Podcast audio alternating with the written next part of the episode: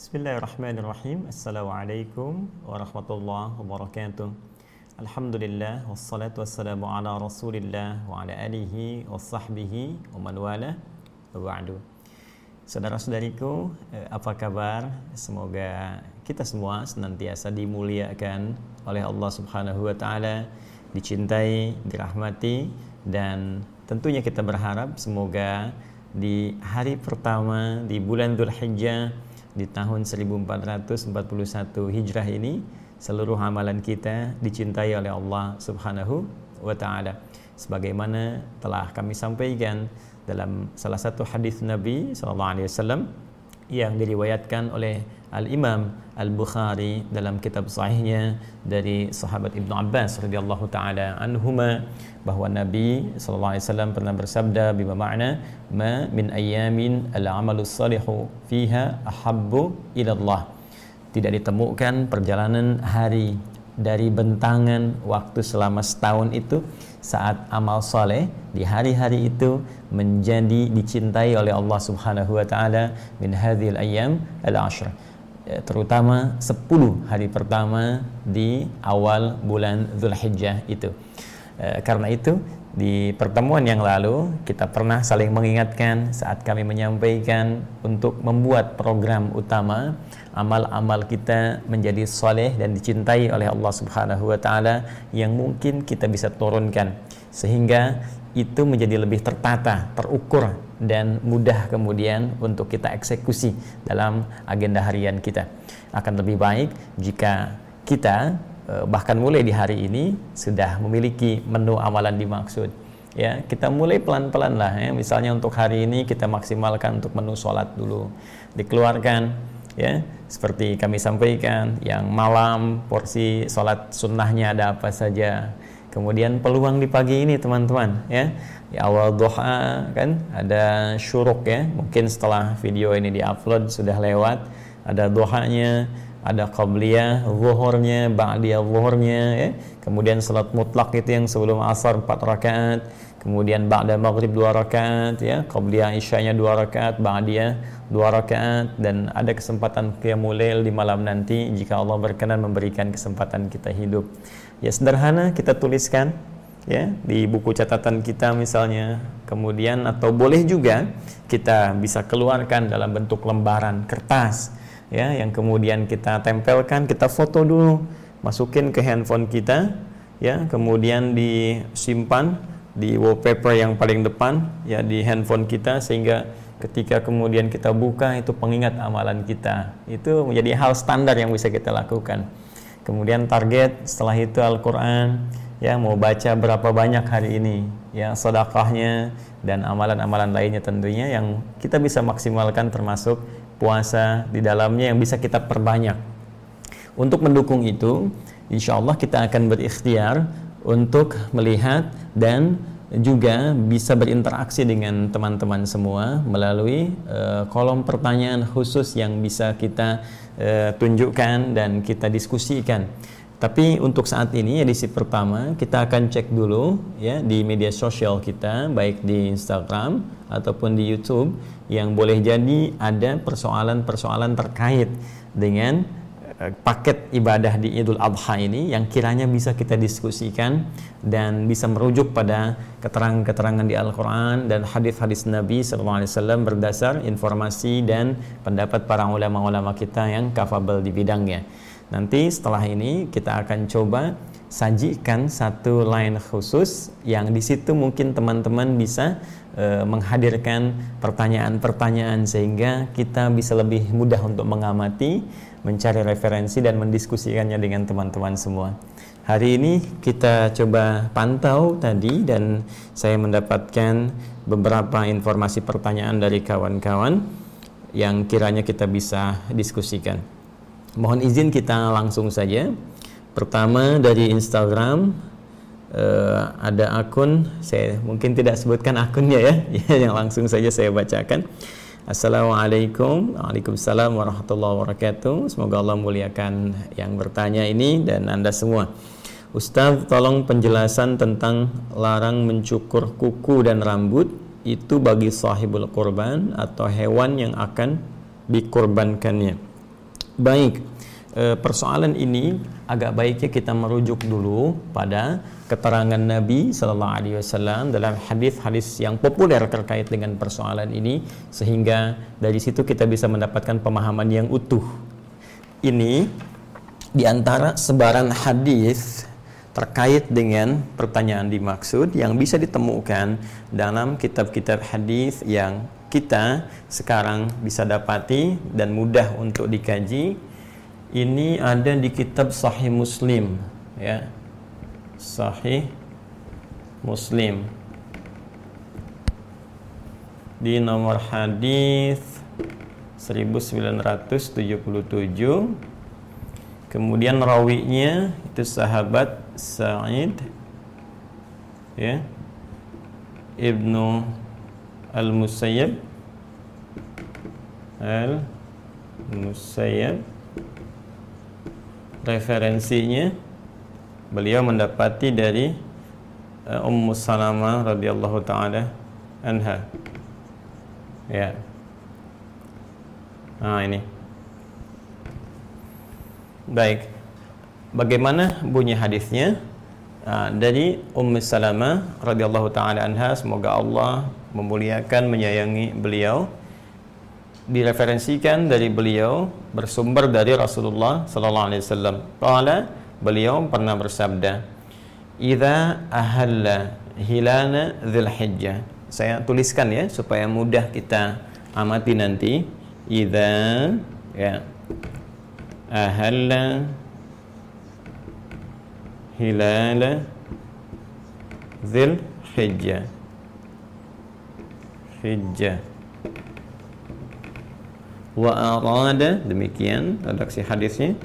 Wa arada ahadukum an yudahhiya. Yudahhiya. Fala yamassa redaksi pertama begini. Fala yamassa. Redaksi keduanya falyumsik. Fal yum sik. Ya. Min sya'rihi wa azfarihi. Nah ini redaksinya.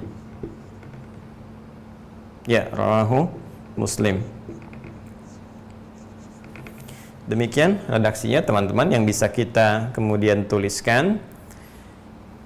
Idza ahalla hilal zil hijjah.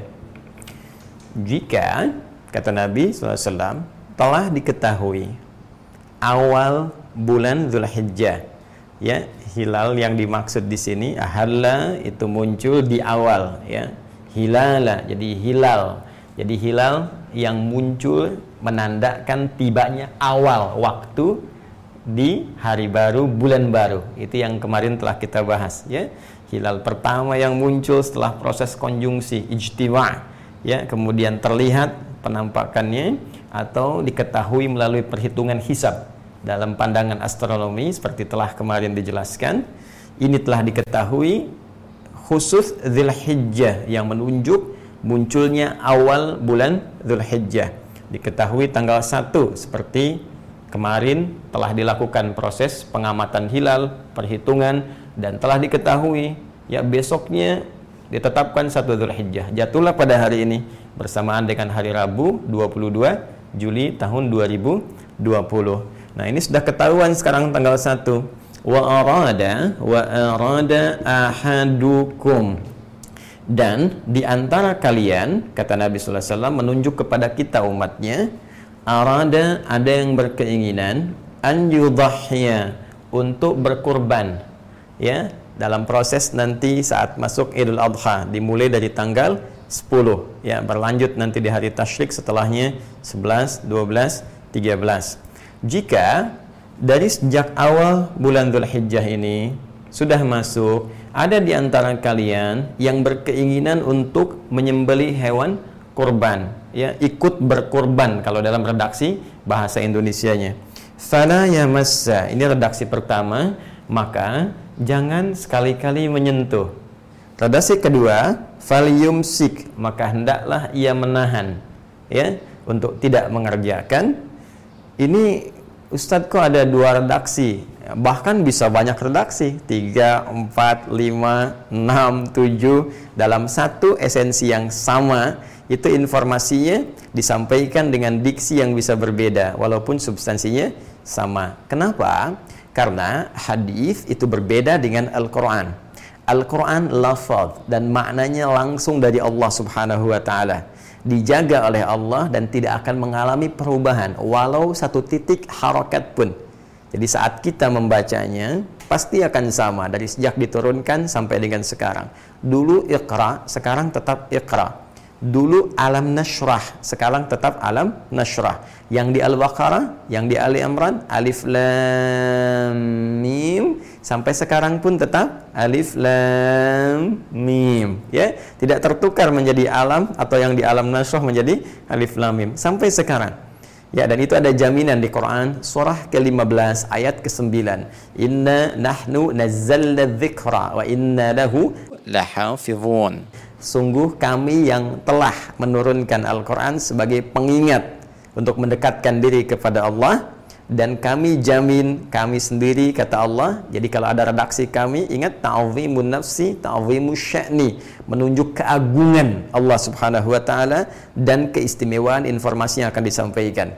Jadi kalau menerjemahkan lengkapnya begini. Dan demi keagunganku dan kemuliaan Al-Quran yang diturunkan ini akan dijaga Al-Quran ini sampai kapan pun sehingga tidak mengalami perubahan sedikit pun. Berbeda dengan hadis. Hadis maknanya disampaikan, diisyaratkan oleh Allah kepada Nabi Sallallahu Alaihi Wasallam.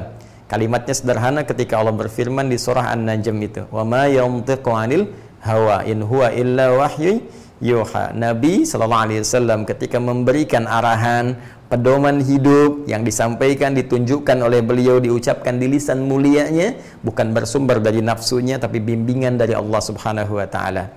Nah, ada yang ketika maknanya diilhamkan, diwahyukan, disampaikan oleh Allah pada diri beliau untuk diutarakan, kemudian diksinya, ya kalimatnya, pilihan katanya bersumber dari lisan beliau. Jadi maknanya dari Allah, lafadznya dari Nabi sallallahu alaihi wasallam. Itulah hadis. Saya ulang, itulah hadis. Jelas ya? Nah, jadi hadis kadang bisa berbentuk penjelasan dari Al-Qur'an yang kemudian lafaz dan maknanya langsung dari Allah. Contoh misalnya, ya. Allah memberikan perintah wa aqimus shalah, tunaikan salat. Maka bagaimana kemudian detailnya dijelaskan kepada kita? Maka Nabi memberikan penjelasan seperti di hadis Muslim nomor hadis 397 itu. Ketika Nabi SAW memberikan penjelasan kepada sahabat Khalad bin Rafi' Az-Zuraiqi kata beliau disampaikan pertama jika kamu idza kumta ila salah ingin menunaikan salat dengan sempurna maka pertama adalah asbighul wudhu, sempurnakan wudhu. Thumma staqbilul qiblah, menghadap ke arah kiblat. Nah, ini kalimat-kalimat Nabi ini disebut hadis karena lafadznya dari Nabi, tapi petunjuknya dari Allah Subhanahu wa taala. Pun demikian dengan persoalan korban, turun ayat misalnya Quran surah ke-22 ayat ke-34. Walikulli ummatin ja'alna mansakan liyadhkuru smallah ala ma razaqahum min bahimatil an'am. Dan di setiap umat kami berikan tata caranya untuk beribadah, ya di antara ibadah ini dengan berkorban yang tujuannya untuk mengingat seluruh karunia-karunia yang telah Allah anugerahkan kepada setiap hamba. Di antara karunia itu ada yang berupa binatang ternak yang bisa dikorbankan dan dengan korban itu bisa mengingat Allah Subhanahu wa taala. Teknisnya bagaimana? Ketika akan berkorban, kapan waktunya? Seperti apa caranya? Maka muncul di antaranya hadis ini. Cuma ingat, ketika Nabi Sallallahu Alaihi Wasallam menyampaikan hadis ini, kan belum tentu yang dengar itu satu orang, ya kan? Ada dua orang, tiga orang, empat orang, lima orang. Saya sekarang menyampaikan informasi kepada Anda bahwa Ustadz Adi Hidayat mulai saat ini membuka satu line khusus untuk tanya jawab, ya, question and answer. Jadi Anda bisa bertanya, terus kita diskusikan, kami menyampaikan jawaban dari referensi-referensi tertentu. Nah, ketika saya sampaikan ini, saya katakan, tolong teman-teman share dengan yang lain ya. Baik, saya ingin tanyakan, dari sekian yang menyimak kata-kata saya tadi, bisakah Anda mengemas diksi yang sama seperti yang saya ungkapkan? Belum tentu kan? Karena zaman dulu, ya zaman Nabi, Anda bisa bayangkan, itu kan belum ada IG, ya belum ada YouTube, belum ada Facebook, belum ada rekaman. Kalau sekarang Anda bisa ambil potongan videonya, Anda share seperti Anda dengar dari saya. Anda cukup kasih narasi sedikit ini pesannya. Tapi kan zaman dulu tidak. Ya, sekarang saja yang bisa seseorang mengambil video misalnya menyampaikan itu narasinya bisa berbeda satu dengan yang lain. Maka bagaimana di zaman Nabi ketika beberapa orang mendengar informasi, lantas setiap orang ingin menyampaikan lagi pada yang lainnya. Ya, bisa dipastikan setiap orang akan membawa pesan yang sama, substansi yang serupa, tapi mungkin dengan diksi yang berbeda. Si Fulan menyampaikan dengan cara A, si Fulan cara B, tapi isinya sama. Itu yang menyebabkan kadang dalam satu persoalan hadis ada beberapa diksi yang tidak serupa, tapi pesannya sama. Ya, termasuk persoalan yang Anda tanyakan ini. Yang satu falaya massa, yang satu faliyumsik. Maka hendaklah ia tidak menyentuh atau hendaklah ia menahan diri untuk tidak mengerjakan apa yang dikerjakan di sini maksudnya min sya'rihi untuk mencukur ya rambutnya wa azfarihi dan kuku-kuku yang melekat di jemarinya. Jadi tidak mencukur rambutnya. Ingat rambut ini ya segala yang melekat tumbuh di badan kita. Awas ingat ya. Jadi bukan hanya di kepala, ya di bagian tubuh tertentu ada rambut juga. Di ketiak misalnya ini ada rambut, bukan bulu ya. Ingat, kalau bulu pada hewan, ya bulu ayam, gitu kan? Nah bulu angsa, bulu unta, gitu kan? Nah kalau kita rambut ya teman-teman sekalian ingat ya rambut. Kemudian dan tidak memotong, memotong kuku yang melekat di jemari-jemari kita. Nah sekarang pertanyaannya, apakah ini yang dimaksud kepada hewannya atau manusianya sahibul korban orang ya kan? Atau hewan? Karena memang dua tafsiran ini ada. Ada yang menafsirkan hewannya. Maksudnya hewan ya. Jangan uh, potong kuku-kuku di hewannya. Jangan potong jangan cukur bulu-bulunya ya Kenapa? Ada yang beralasan supaya sempurna keadaan hewannya sehingga tidak menjadi cacat atau aib tertentu. Ada yang beralasan supaya hewan ini nanti sempurna di akhirat ya pahalanya dan demikian demikian. E, kemudian ada juga yang menyampaikan pendapat yang dimaksud terkait orangnya. Jadi jangan mencukur rambut yang melekat di tubuh e, kita manusianya sahibul korban pun demikian dengan kuku jangan potong yang menempel di jemarinya.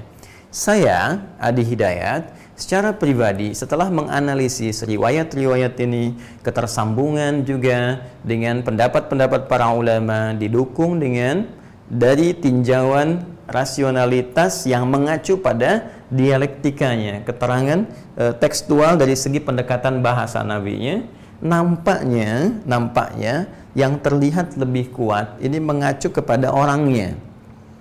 Jadi yang dimaksudnya jika ada di antara kita yang memang sudah ingin berkorban dan ini sudah niat teman-teman sekalian hewan sudah dipesan ya jadi bisa jadi niat ini tumbuh mungkin di hari pertama ya kan? Sudah ada. Mungkin hari kedua. Mungkin ada yang tunggu dulu untuk ada anggarannya baru nanti diputuskan begitu masuk hari kelima nah, baru keluar itu kan? Misalnya anggaran sudah ada tiba-tiba langsung datang entah itu di pihak pengelola di DKM atau langsung datang ke tempat pembelian hewan kan?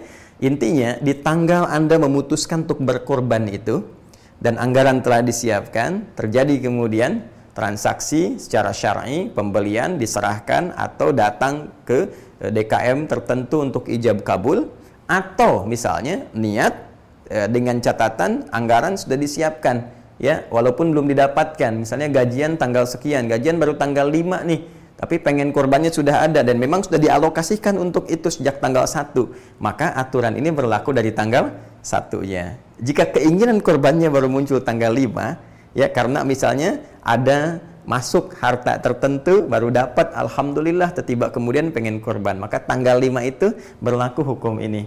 Ya tidak menyentuh dulu, jangan potong dulu seluruh kuku yang melekat di jemarinya kaki bawah sampai dengan di tangannya dan juga rambut yang melekat di seluruh tubuhnya tidak dicukur terlebih dahulu sampai nanti hewan kurban yang tadi telah disiapkan disembelih.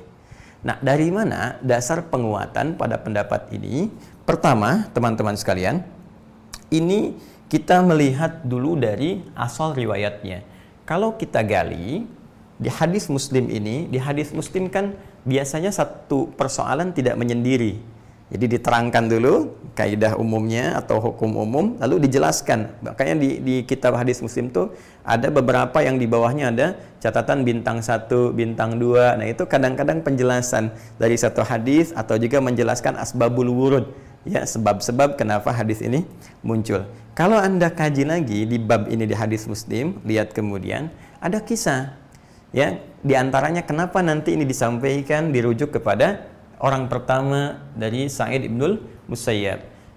Ada kasus beberapa orang sahabat itu sepeninggal Nabi Shallallahu Alaihi Wasallam mereka saat akan mendekat ke tanggal 10 Dzulhijjah mulai bersih-bersih ya bersih-bersih kalau kita di toilet umum lah gitu. Nah, ada yang mulai cukur-cukur ya, mulai cukur-cukur bersih-bersih. Ada satu orang yang ingat ya tentang hadis ini yang disandarkan pada Said Ibnul Musayyab radhiyallahu taala anhu. Nah, saat itulah kemudian orang ini mengingatkan, ya saya kayaknya dengar deh, ya ada satu riwayat kita nggak boleh potong-potong dulu begini, nggak boleh cukur-cukur dulu, bersih-bersih begini, ya sampai nanti hewan kurbannya dipotong. Baik, maka untuk mengentaskan keraguan datanglah kemudian mengklarifikasi kepada Said Ibnul Musayyab radhiyallahu taala anhu. Di klarifikasi ini disampaikan, tadi ada peristiwa begini, begini, begini, ini hendak mendekat kepada Idul Adha, ada teman-teman berkorban tapi sudah bersih-bersih. Maka disampaikanlah oleh beliau hadis yang tadi, lalu diberi komentar, hadzal hadis qad nusia wa turika. Hadis ini banyak yang telah melupakan. Ini kayaknya hadis ini banyak orang lupa. Kan kalau sudah lupa suka nggak inget kan? Nah, jadi banyak yang tidak ingat nih tentang hadis ini sehingga amalnya ditinggalkan karena lupa tertinggallah amalan itu. Nah, ini kisahnya. Jadi ternyata dari keterangan ini bukan menunjuk kepada hewan tapi menunjuk kepada orang karena peristiwa tadi dikomentari oleh Sa'id bin Musayyib tentang hadis ini. Ini loh ada referensi kata beliau dari Nabi, keterangannya didapatkan dari Ummu Salamah radhiyallahu taala anha. Lalu kemudian diterangkan maknanya. Cuma banyak orang yang sudah tidak mengetahui tentang keutamaan amalan ini karena tidak ingat hadisnya. Jelas? Satu.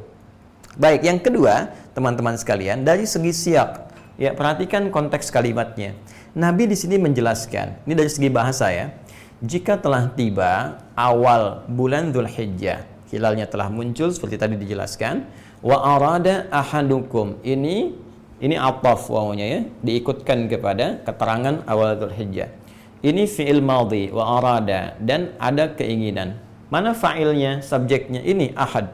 Ya. Seorang di antara kalian. Baik ya, ahadukum mudhaf mudhaf ilaih. Karena itu tanwinnya hilang. Ini fa'ilnya, ini subjek, ini e, kata kerjanya, predikatnya, fi'il madhi, perhatikan di infinitif. Ini subjeknya. Dan seorang di antara kalian, satu orang di antara kalian ya biasa ini sifatnya umum. Bila ada satu di antara kalian artinya kan menunjuk kepada setiap person siapa saja bisa melakukan gitu ya? Baik. An ingin berkurban ingin menyembelih hewan. Jadi ada seseorang saat akan masuk awal Dzulhijjah memang berniat untuk kurban ini menunjuk ke orang. Perhatikan baik-baik.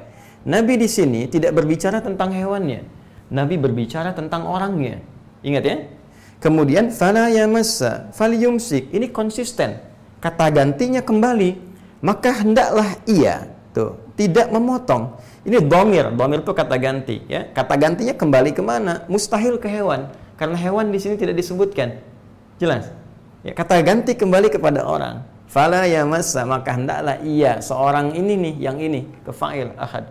Jadi kalau kita belajar di ilmu nahu kita akan ketahui ya bahwa di sini ada Fa'ilnya mana? Dhamir mustatir takdiruhu huwa ya'udu ila ini ahad.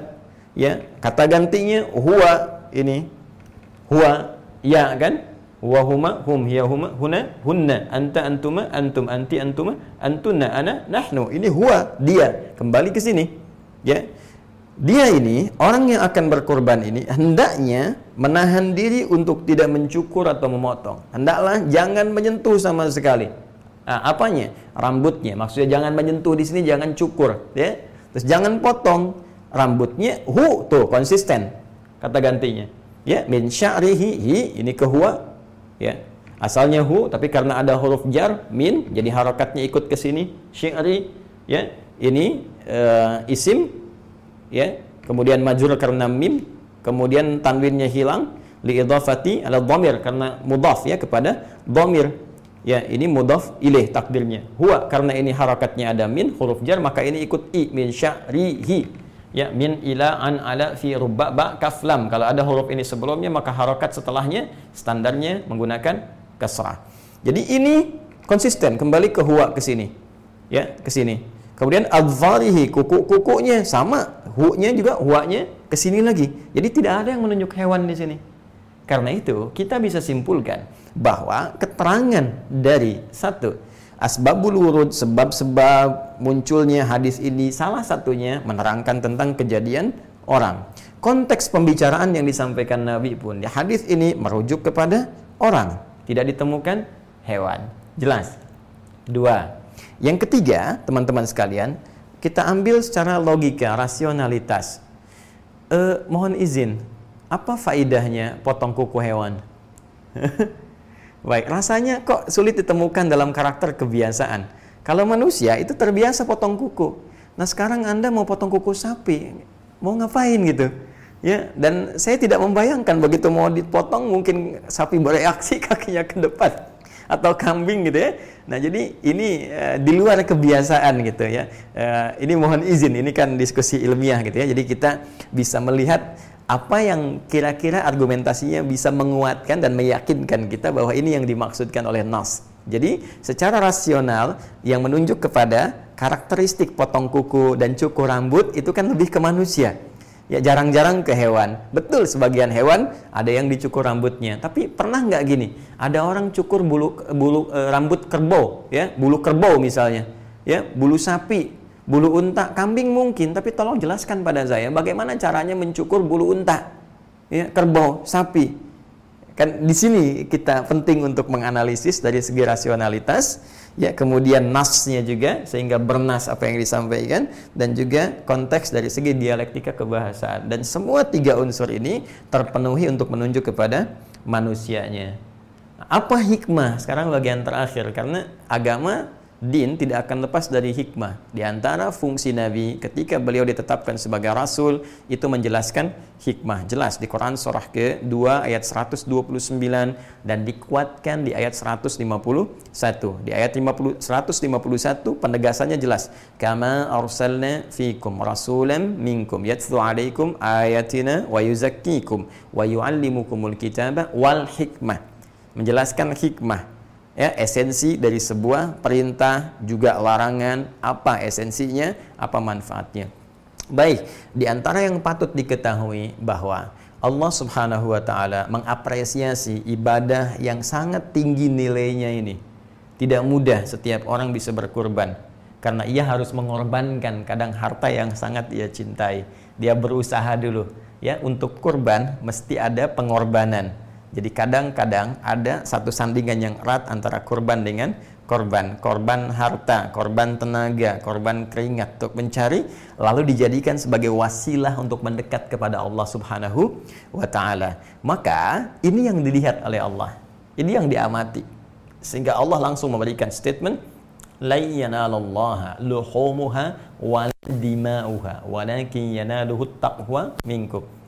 Allah tidak akan pernah melihat ya bahkan tidak akan sampai redaksi Qurannya ya yang dagingnya atau bahkan darahnya ini tidak akan sampai kepada Allah karena yang dibutuhkan itu ya oleh kita semua untuk menunjukkan kepada Allah itu takwanya. Jadi yang sampai kepada Allah takwa. Allah nggak butuh dagingnya. Allah nggak butuh darah dewan kurbannya. Bukan itu yang sampai. Yang sampai kepada Allah takwanya. Kepatuhan kita. Kesungguhan kita. Ketaatan kita kepada Allah subhanahu wa ta'ala. Dan dengan ketaatan ini, ketika takwa kita hadirkan dan cinta Allah datang kepada kita, karena semua amalan yang dikerjakan di bulan-bulan Dhul Hijjah ini di awalnya menjadi amalan yang dicintai. Tadi saya tegaskan di pembuka talim kita pada hari ini kan, ketika cinta Allah diturunkan kepada orang yang melakukan amalan takwa ini, maka yang pertama Allah berikan kepada orang yang dicintainya, hamba yang dicintainya adalah ampunan dosa. Jadi kalau Allah cinta pada seorang hamba, itu bukan dikasih dunia, dunia terlampau kecil. Tapi yang diberikan pertama kali adalah ampunan dari dosa-dosa. Kaidah ini ditemukan di Quran surah ketiga Ali Imran ayat 31. Qul in kuntum tuhibbunallaha fattabi'uni yuhibbukumullah. Apa yang terjadi setelah yuhibbukumullah wa yaghfir lakum dunubakum. Ketika Allah mencintai kalian, Ya Allah langsung menyampaikan, maka yang pertama diberikan mengampuni seluruh dosa-dosanya. Teman-teman sekalian, mohon izin, dari sekian lama kita hidup, sejak mulai balik sampai detik ini, berapa banyak kesalahan kita kerjakan, dosa kita lakukan. Bukankah elemen tubuh yang paling utama yang mungkin terjadi untuk melakukan dosa adalah tubuh-tubuh terluar kita yang kita gunakan, ya kan? Mata untuk melihat, ya, lisan untuk bicara, telinga mendengar, tangan meraba sampai ke ujung kaki. Berapa banyak bersentuhan dengan dosa? Ya, nah ini ada peluang Allah ingin gugurkan seluruh dosa-dosanya. Jika ia mau kembali kepada Allah untuk bertobat, untuk tunduk, untuk pasrah. Di antara wasilahnya dengan berkorban. Apresiasinya Allah akan berkenan dengan izinnya mengampuni seluruh dosa-dosa dari ujung rambut kepalanya sampai ujung kuku di kakinya. Karena itu, jangan pisahkan dulu ini. Khawatir di kuku ini pernah menjadi saksi dari maksiat yang pernah dikerjakan oleh tangan. Kemudian sebelum tiba ampunan itu terpisah ini. Ya, dari jemari tangannya, belum diistighfari. Ya, khawatirnya dosa sudah diampuni tapi karena terpisah dia menjadi saksi di akhirat nanti. Karena nanti saat hisab ada suasana-suasana dalam riwayat ada yang langsung diberi syafaat ditutup semua. Tutup semuanya. Karena ketakwaannya ya nanti yukaffir anhu sayyi'atihim. Ya dihapuskan oleh Allah segala kesalahan kesalahannya. Tutup habis. Jadi nggak dibuka kemudian langsung yang baik-baiknya muncul. Ada yang kedua hisabnya dibuka, ditunjukkan, disaksikan salah, cuma diampuni. Dengan rahmat Allah diampuni dia. Dan yang ketiga, ditampakkan semuanya, dihisab dia di situ karena belum sempat bertobat, kemudian dihisab dan ditutup dengan amal solehnya. Jika mampu menutup, soleh, baik dia muaranya. Jika tak mampu tertutup, ada bencana yang mungkin akan terjadi. Nah, Allah berkenan melalui petunjuk nabinya jangan pisahkan dulu. Sehingga ini kita bisa tangisi bisa kita istighfari dosa-dosa yang pernah dikerjakan, yang terasa di kulit-kulit kita, yang meresap di rambut-rambut, yang disaksikan kadang-kadang oleh rambut di atas kepala kita sampai ujung kaki, oleh kuku-kuku kita. Tangisi itu, taubati kepada Allah dan saat hewan itu disembelih, di situlah letak ampunan Allah akan diberikan. Baru kita potong seluruhnya dalam keadaan semua telah baik. Kurang lebih itu hikmahnya panjang ya penjelasannya. Satu pertanyaan. Ya begitulah kalau kita coba untuk belajar. Saya bisa mengatakan begini dari awal mungkin hanya butuh satu dua menit saja. Dah yang dimaksud orangnya hadisnya ini orang. Tapi kan mungkin perasaan dan pemahaman anda tidak seperti kita telah belajar tadi. Ya jadi mohon izin nanti insya Allah teman-teman kalau ingin singkat ada beberapa ustadz-ustadz yang kajiannya menyampaikan secara singkat. Jadi mudah dan sederhana untuk diambil tapi kalau ingin sedikit mendalami, mungkin tawaran yang kami sampaikan dengan paparan yang kita coba utarakan bisa memberikan alternatif dan semua ada nilai kebaikannya insya Allah. Paham ya? Allah taala alam bisawab. Baik. Jadi kita teruskan kembali, tapi tetap saling menghargai ya, ingat ya. Jadi kalau ada yang berpendapat eh, hewannya tidak ada masalah, itu kita hargai, kita hormati. Jadi jangan sampai karena perbedaan pendapat saling berselisih. Bismillah. Uh, doain saya ya saudara-saudariku di mana pun kalian berada. Saya dijadwalkan operasi usus buntu uh, besok jam 10. Maksudnya hari ini ya, karena kita lihat nih 13 jam yang lalu. Mudah-mudahan Allah angkat penyakit ini sehingga kembali bisa beraktivitas seperti biasa. Amin. Semoga Allah berikan kemudahan dalam tindakan yang akan berlangsung. Semoga Allah anugerahkan kesembuhan kepada saudari kita yang bertanya ini FR dan semoga dengan kesembuhan itu Allah eh, tanamkan kepada jiwa saudara kita ini petunjuk terbaik untuk semakin lebih dekat dengan Allah dan merasakan manisnya di balik ujian. Ya, karena semua apa yang Allah ujikan itu tentunya ada nilai-nilai kebaikan.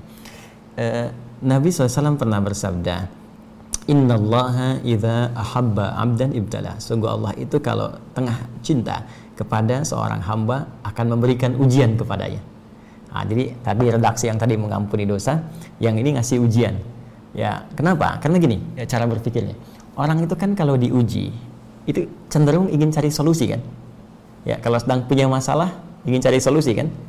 Dan fitrah kita, spiritual kita. Jadi ada fitrah eh, elemen tubuh manusia itu dibagi tiga, ya fitrah akal, ya fitrah fisik tubuh dan fitrah roh spiritual. Ini inti hidupnya. Fitrah akal ya kalau nggak tahu pengen cari tahu. Kan itu belajar. Karena itu anda kalau dapat informasi terus pengen cari tahu. Ya nah, itu fitrahnya akal demikian. Ya fitrah tubuh kalau butuh sesuatu dituntut. Ya lapar langsung cari makan ya apa pun yang terjadi pengen makan karena lapar. Haus pengen minum itu fitrah. Sama roh juga begitu. Roh. Ya fitrahnya kalau sedang ada persoalan sedang kegelisahan dia akan mencari ketenangan. Ya dan roh itu kan sumber ketenangan ada di roh. Ya tempatnya di hati. Karena itu karena dari hati sumbernya menjadi perasaan rasa. Rasa itu kan gelisah tenang ya. Dan sejenis-sejenisnya atau ragam-ragamnya. Nah masalah itu kan cenderung hadir menghadirkan kegelisahan kan orang punya masalah pasti gelisah lawan dari gelisah itu tenang ya dia sebetulnya masalah ini sebuah katalis yang bisa kalau dalam perspektif berbeda ya cara pandang berbeda masalah itu adalah sebuah katalis ya yang bisa dengan ini mendatangkan ketenangan secara cepat. Jadi kalau nggak ada masalah, bagaimana ketenangan itu bisa muncul? Karena itu cara memahami masalah itu begini, jangan dilihat problemnya. Lihat ini sebagai wasilah perantara untuk bisa mendatangkan ketenangan. Sebab kalau nggak ada masalah, kegelisahan nggak ada. Kalau gelisah nggak ada, nggak bisa mencari ketenangan.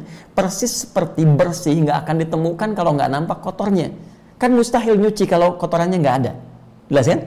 Dari sini, ketika Allah memberikan ujian berupa persoalan, sebetulnya jangan dilihat kepada ujiannya, tapi lihat responnya, reaksinya terhadap persoalan yang muncul ini. Bukankah dengan persoalan itu Anda semakin menunjukkan doa?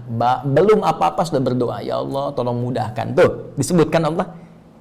Tiba-tiba kalau semakin naik nih, ya katalisnya semakin naik nih, katalisatornya naik masalahnya. Bukankah ditopang dengan amalan? ya selain hanya dengan lisan bentuk doa itu jadi amalan fisik tiba-tiba tahajud kan baca Quran. Ayo siapa yang saat sedang punya masalah terus malamnya tahajud sambil nangis. Ya. Siapa yang tiba-tiba rajin puasa mendadak soleh. Ya. Nah, terus siapa yang tiba-tiba baca Quran. Tapi ya ini jalan. Dan dari satu kebiasaan itu ya baru tahajud kemudian baca Quran boleh jadi ini menjadi sebuah kebiasaan yang terus berlangsung dan dipertahankan. Dan ini yang menghadirkan cinta Allah Subhanahu wa taala. Di antara ujian yang biasanya menjadikan kita cepat mendekat kepada Allah itu ujian sakit karena itu dalam sakit ada ampunan ya betapa banyak orang sakit menyebut nama Allah terus mendekat berdoa karena itu ampunan diturunkan. Jadi kalau ada orang sampai sakit belum mampu minta ampun kepada Allah, itu perlu dicek itu sehat nggak rohnya. Karena yang sehat itu mesti tiga, bukan cuma fisik. Mungkin fisik sehat, akal sehat, roh tidak sehat. Ini masalah. Ya, pasti masalah. Demikian bisa rohnya sehat, kemudian fisik sehat, akal nggak sehat juga bermasalah. Tapi masalah roh ini itu yang paling urgent karena akan berpengaruh kepada kecerdasan akal plus juga kecerdasan fisik dan mental. Ya karena itu kita mendoakan saudara kita dan doa bisa saling menguatkan satu dengan yang lainnya. Demikian kepada saudara-saudara kita yang lain yang tengah diuji pula. Bismillah kita lanjutkan. Uh, baik. Mohon nasihatnya Ustaz. Uh, bagaimana caranya agar tetap tidak ketinggalan amal soleh di awal bulan Dzulhijjah ini uh, karena kondisi lagi haid. Bagi para akhwatnya, para akhwat, begini segala yang Allah tetapkan berupa fitrah dalam kehidupan itu mesti disyukuri. Di antara fitrah yang melekat dalam kehidupan tadi ada yang terkait dengan fisik, akal dan roh. Nah, fisik ini istimewa. Ya, karena fisik ini menjadi sebuah tampilan yang menampilkan ragam perbedaan. Ya, di antara yang paling mencolok adalah perbedaan antara laki-laki dan perempuan. Baik dari segi tampilan fisiknya yang nanti melahirkan karakteristik dan juga hal-hal kimiawi ya yang tidak sama antara laki-laki dan perempuan untuk membedakan kedua insan ini walaupun dengan kesamaan dari sisi kemanusiaannya. Sama-sama manusianya, sama-sama kadar kemuliaannya di hadapan Allah Subhanahu wa taala, namun punya perbedaan dari tampilan fisiknya sebagai maslahat dan fitrah kemudahan untuk beraktivitas demi mencari bekal. Baik, salah satu yang diberikan kepada perempuan dan menjadi khas yang tidak dimiliki laki-laki. Jadi nanti ada yang milik laki-laki, perempuan tidak. Ada yang sebaliknya, milik perempuan, laki-laki tidak. Yang jadi milik perempuan, laki-laki tidak, di antaranya adalah ada satu siklus head, ya. Dan ini sangat bermanfaat untuk perempuan karena nanti sel-sel telur ya dari ovum yang tidak dibuahi ini ya ini kan nanti menjadi darah kotor yang mesti keluar kalau bertahan dalam fisik manusia dalam fisik perempuan itu bisa membawa penyakit ya. Yang belum keluar aja kan sudah terasa itu ya. Terasa gelisah terus nggak enak emosi nggak stabil. Nah, itu belum keluar aja sudah begitu ya. Karena itu harus keluar. Begitu dia keluar nanti stabil lagi. Nah itulah fitrahnya itulah keindahannya. Dan dalam keadaan itu pun itu masya Allah rohsahnya tinggi keringanannya tinggi. Diberikan oleh Allah padanannya. Kamu jangan dulu ibadah nih Ya, karena satu, ini darah kotor masih keluar. Kotor, kotor itu najis secara fisik, kan? Yang kedua, tinjauan keduanya secara mentalitas nggak bagus ibadah dalam keadaan demikian. Ya, ibadah sedang nggak stabil emosinya, ya kan? Ibadah sedang dalam keadaan yang tidak seperti normalnya dari segi perasaan, dari segi ketenangan hati, terus dari segi fisik tiba-tiba sedang ibadah keluar darah kan nggak enak kan kondisi begitu? Makanya dikasih roh kasih keringanan supaya nanti ibadah yang ditunaikan sempurna sampai selesai masa health itu. Tapi yang membahagiakan adalah amalan-amalan rutin yang biasa dikerjakan saat suci itu dituliskan dihitung. Karena itu sering saya katakan berbahagialah muslimah muslimah yang saat dalam keadaan sucinya dia membiasakan untuk memperbanyak amal soleh. Baik dari segi kuantitas pun demikian meningkatkan kualitas. Dia rajin sholat sunnah dia rajin puasa sunnah dia rajin baca Al-Quran. Itu saat tiba masa haidnya dituliskan pahalanya walaupun ia saat itu tidak mengerjakannya. Bukan cuma yang fardu. Dalilnya jelas dari sahabat Abu Hurairah radhiyallahu taala anhu bersumber dari Nabi sallallahu alaihi wasallam idza maridal abdu aw safar kutiba lahu alaihi muqiman sahiha. Jika seorang hamba tengah sakit atau semisal seperti orang sakit ya kondisinya atau bahkan dalam keadaan safar yang menjadikan dia sulit mengerjakan rutinitas amalnya seperti yang sebelumnya dalam keadaan sehat atau mukim maka walaupun tidak mengerjakannya tetap dituliskan pahalanya sempurna seperti saat ia mengerjakannya anda safar sekarang. Karena safar, kemudian terjadi jamak kosor. Zuhur asar di jamak. Dari empat bahkan dikosor jadi dua. Terus sholat sunnah nggak dikerjakan. Tapi sebelum safar punya kebiasaan. Sempurna, bahkan ke masjid, bahkan sunnah dikerjakan. Itu saat Anda kosor pun dituliskan pahala sholat sunnahnya. Dituliskan pahala sempurnanya. Dituliskan kalaupun nggak di masjid, pahala di masjidnya karena kebiasaannya. Pun demikian orang sakit dan orang yang diasumsikan seperti sakit, seperti orang yang head tadi, ya. Nah, itu masuk dalam kategori ini. Jadi kalau perempuan-perempuan dalam keadaan suci banyak ibadah, saat headnya dituliskan pahalanya.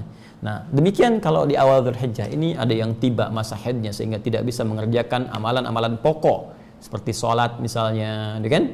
Kemudian untuk baca Al-Quran ya dalam pendapat yang rajih Kemudian juga eh, amalan-amalan yang sifatnya tak mungkin dilakukan secara khusus seperti puasa misalnya karena ikut dia. Ada ikhtilaf di puasa tapi saya menguatkan pendapat yang tidak puasa ya saat dalam kondisi haid ini. Jadi dia tidak puasa, tidak sholat, tidak baca Al-Quran. Nah peluang ini bisa dimanfaatkan untuk mengerjakan amalan lain. Kan tidak terhalang untuk berzikir, ya mengingat Allah dengan istighfar, minta ampun sama Allah, belajar-belajar dari tafsir, belajar tajwid, ya kan? Yang diniatkan untuk pelajarannya, belajar baca hadis, belajar sirah, ya pahala yang tadi udah dapat tambah dengan yang ini, ya. dan tidak menghalangi untuk meniatkan kurban beli hewan kurban untuk diniatkan kalau memang ada peluang untuk itu wallahu taala alam bisawab coba kita lihat yang terakhir apakah masih ada Assalamualaikum Waalaikumsalam wabarakatuh. Maaf Ustaz, saya maafkan. Bagaimana jika rambut rontok? Apakah harus dikumpulkan sampai 10 Dhul Hijjah? Tidak, saudariku. Ya. Ini yang tanya perempuan, tidak ya. Jadi tidak perlu dikumpulkan sampai tanggal 10. Cukup ambil aja semua, kemudian dikuburkan dengan rapi, ya, gali tanah, simpan ke situ. Kalau tidak memungkinkan ya kumpulkan, kemudian dibuang di tempat yang semestinya lebih lebih tepat untuk bisa melakukan itu. Jadi jangan sampai harus ditunggu sampai 10 Dhul Hijjah karena e, rontok itu bukan e, satu keadaan yang disengaja gitu kan untuk dicabut atau demikian tapi ia terjadi dengan sendirinya. Pertanyaannya sebetulnya kenapa rontok? Ya, banyak pikiran, stres, ya tingkatkan takwa, rajin ibadah sehingga nanti bisa diimbangi dengan ketenangan jiwa. Jiwa yang tenang itu melahirkan aktivitas yang cemerlang catat ya bikin status quotes uh, baik karena yang tadi saya sebut terakhir maka uh, ini mungkin bonus ya karena ini penutup. Bolehlah yang tadi terakhir ini penutup gitu ya khitamuhu misk. Ya mudah-mudahan baik. Uh, Assalamualaikum. Assalamualaikum Gimana Pak Ustadz saya mau menjalankan puasa tapi nanti di pertengahan saya jika mendapatkan halangan head karena memang sudah waktunya. Tadi sudah saya jawab. Ya. Baik. Assalamualaikum warahmatullahi Maaf, jadi kalau mau mulai puasa sunnahnya besok subuh atau Kamis subuh ya. Uh, dari sekarang Rabu kalau mau mulai uh, tadi ya sudah. Kalau belum mulai Kamis boleh ya Kamis dan sekalian juga saya eh, sampaikan begini, kan ada kebiasaan puasa rutin ya, yang sunnah itu Senin, Kamis, bahkan ada yang puasa Daud gitu kan. Kalau yang 9 hari pertama Dzulhijjah ini istimewa. Istimewa. Jadi teksnya itu memperbanyak ya. Silahkan perbanyak. Memperbanyak itu kan sifatnya artinya bisa semua Bahkan disebutkan karena Rasulullah SAW ya sumut tis'an min Dzulhijjah. Adalah Nabi SAW terbiasa memperbanyak puasa, bahkan ada yang menerjemahkan puasa 9 hari penuh, ya. satu sampai dengan 9. Ada yang menerjemahkan memperbanyak puasanya. Jadi memperbanyak itu relatif pada kebiasaan dan kekuatan serta kemampuan muslim yang dimaksudkan atau muslimahnya. Ada yang belum pernah puasa, ya bagi dia satu banyak Ya, bagi dia satu banyak. Kalau pengen satu, mungkin kita siapkan tanggal 9-nya karena itu yang paling istimewa di antara 1 sampai 9. Tapi kalau mau, latihan dulu. Karena kan bagi orang yang belum biasa puasa, tidak mudah puasa sehari itu. Jadi Anda bisa berlatih. Kalau hari ini belum, hari kedua misalnya Kamis ya puasa, ya kan? Nanti mungkin karena nggak biasa, zuhur sudah lapar, asar nggak tahan, buka, gitu kan? Nah, nanti lanjutkan lagi, Jumat Sabtunya tahan dulu, Ahad tahan, Senin mungkin puasa lagi, Nah, jadi naik lagi naik sampai nanti tanggal 9 terbiasa. Ya, itu bisa dicoba juga ke anak-anak yang baru balik ya untuk bisa berpuasa tanggal 9. Tapi kalau Anda sudah rutin, sudah biasa, bahkan yang puasa Daud misalnya, nah ini bisa diteruskan. Bahkan naik level yang tadinya sehari puasa, sehari tidak, bisa ini 9 hari berturut-turut puasa. Ya, bahkan kalau misalnya Anda bertanya, Ustaz gimana kalau Kamisnya pas saya buka puasa Daudnya? Pas masuk tanggal 9. Nah, ini bisa teruskan puasa boleh. Ya, dengan niat yang sekarang puasa di 9 pertama Dzulhijjah dan itu pahalanya akan berbeda karena datangnya cuma setahun sekali. Ya, kami kira demikian teman-teman sekalian. Jadi uh, saya ingin sampaikan bahwa uh, ini program ini akan coba kita buka sampai dengan tanggal 9 Dzulhijjah. Nanti uh, mohon izin ya ke teman-teman admin ya, mohon nanti disiapkan eh, baik di YouTube ataupun di Instagram. Jadi nanti kolom ya untuk tanya jawab. Eh, dari tanya jawab ini diperkenankan teman-teman pemirsa saudara-saudari kita bisa bertanya. Nanti dari pertanyaan ini setiap eh, pagi saya akan usahakan atau mungkin di waktu yang luang saya coba jawab sehingga nanti bisa diupload ya. Dan kalau sudah terukur kan gampang melihatnya. Ini kadang-kadang juga dapat informasinya dari kolom komentar gitu kan dan seterusnya kita khususkan. Semoga Allah muliakan kita semua, memberi jalan petunjuk kemudahan untuk kita beraktivitas dan semoga seluruhnya diridhoi oleh Allah Subhanahu wa taala. Maafkan saya, uh, semoga Allah melembutkan hati Anda untuk memaafkan saya dan semoga kita semua sekali lagi dirahmati oleh Allah Subhanahu wa taala. Subhanakallahumma bihamdika asyhadu an la ilaha illa anta astaghfiruka wa atubu ilaik. Wa akhiru da'wana alhamdulillahi rabbil alamin. Assalamualaikum warahmatullahi wabarakatuh.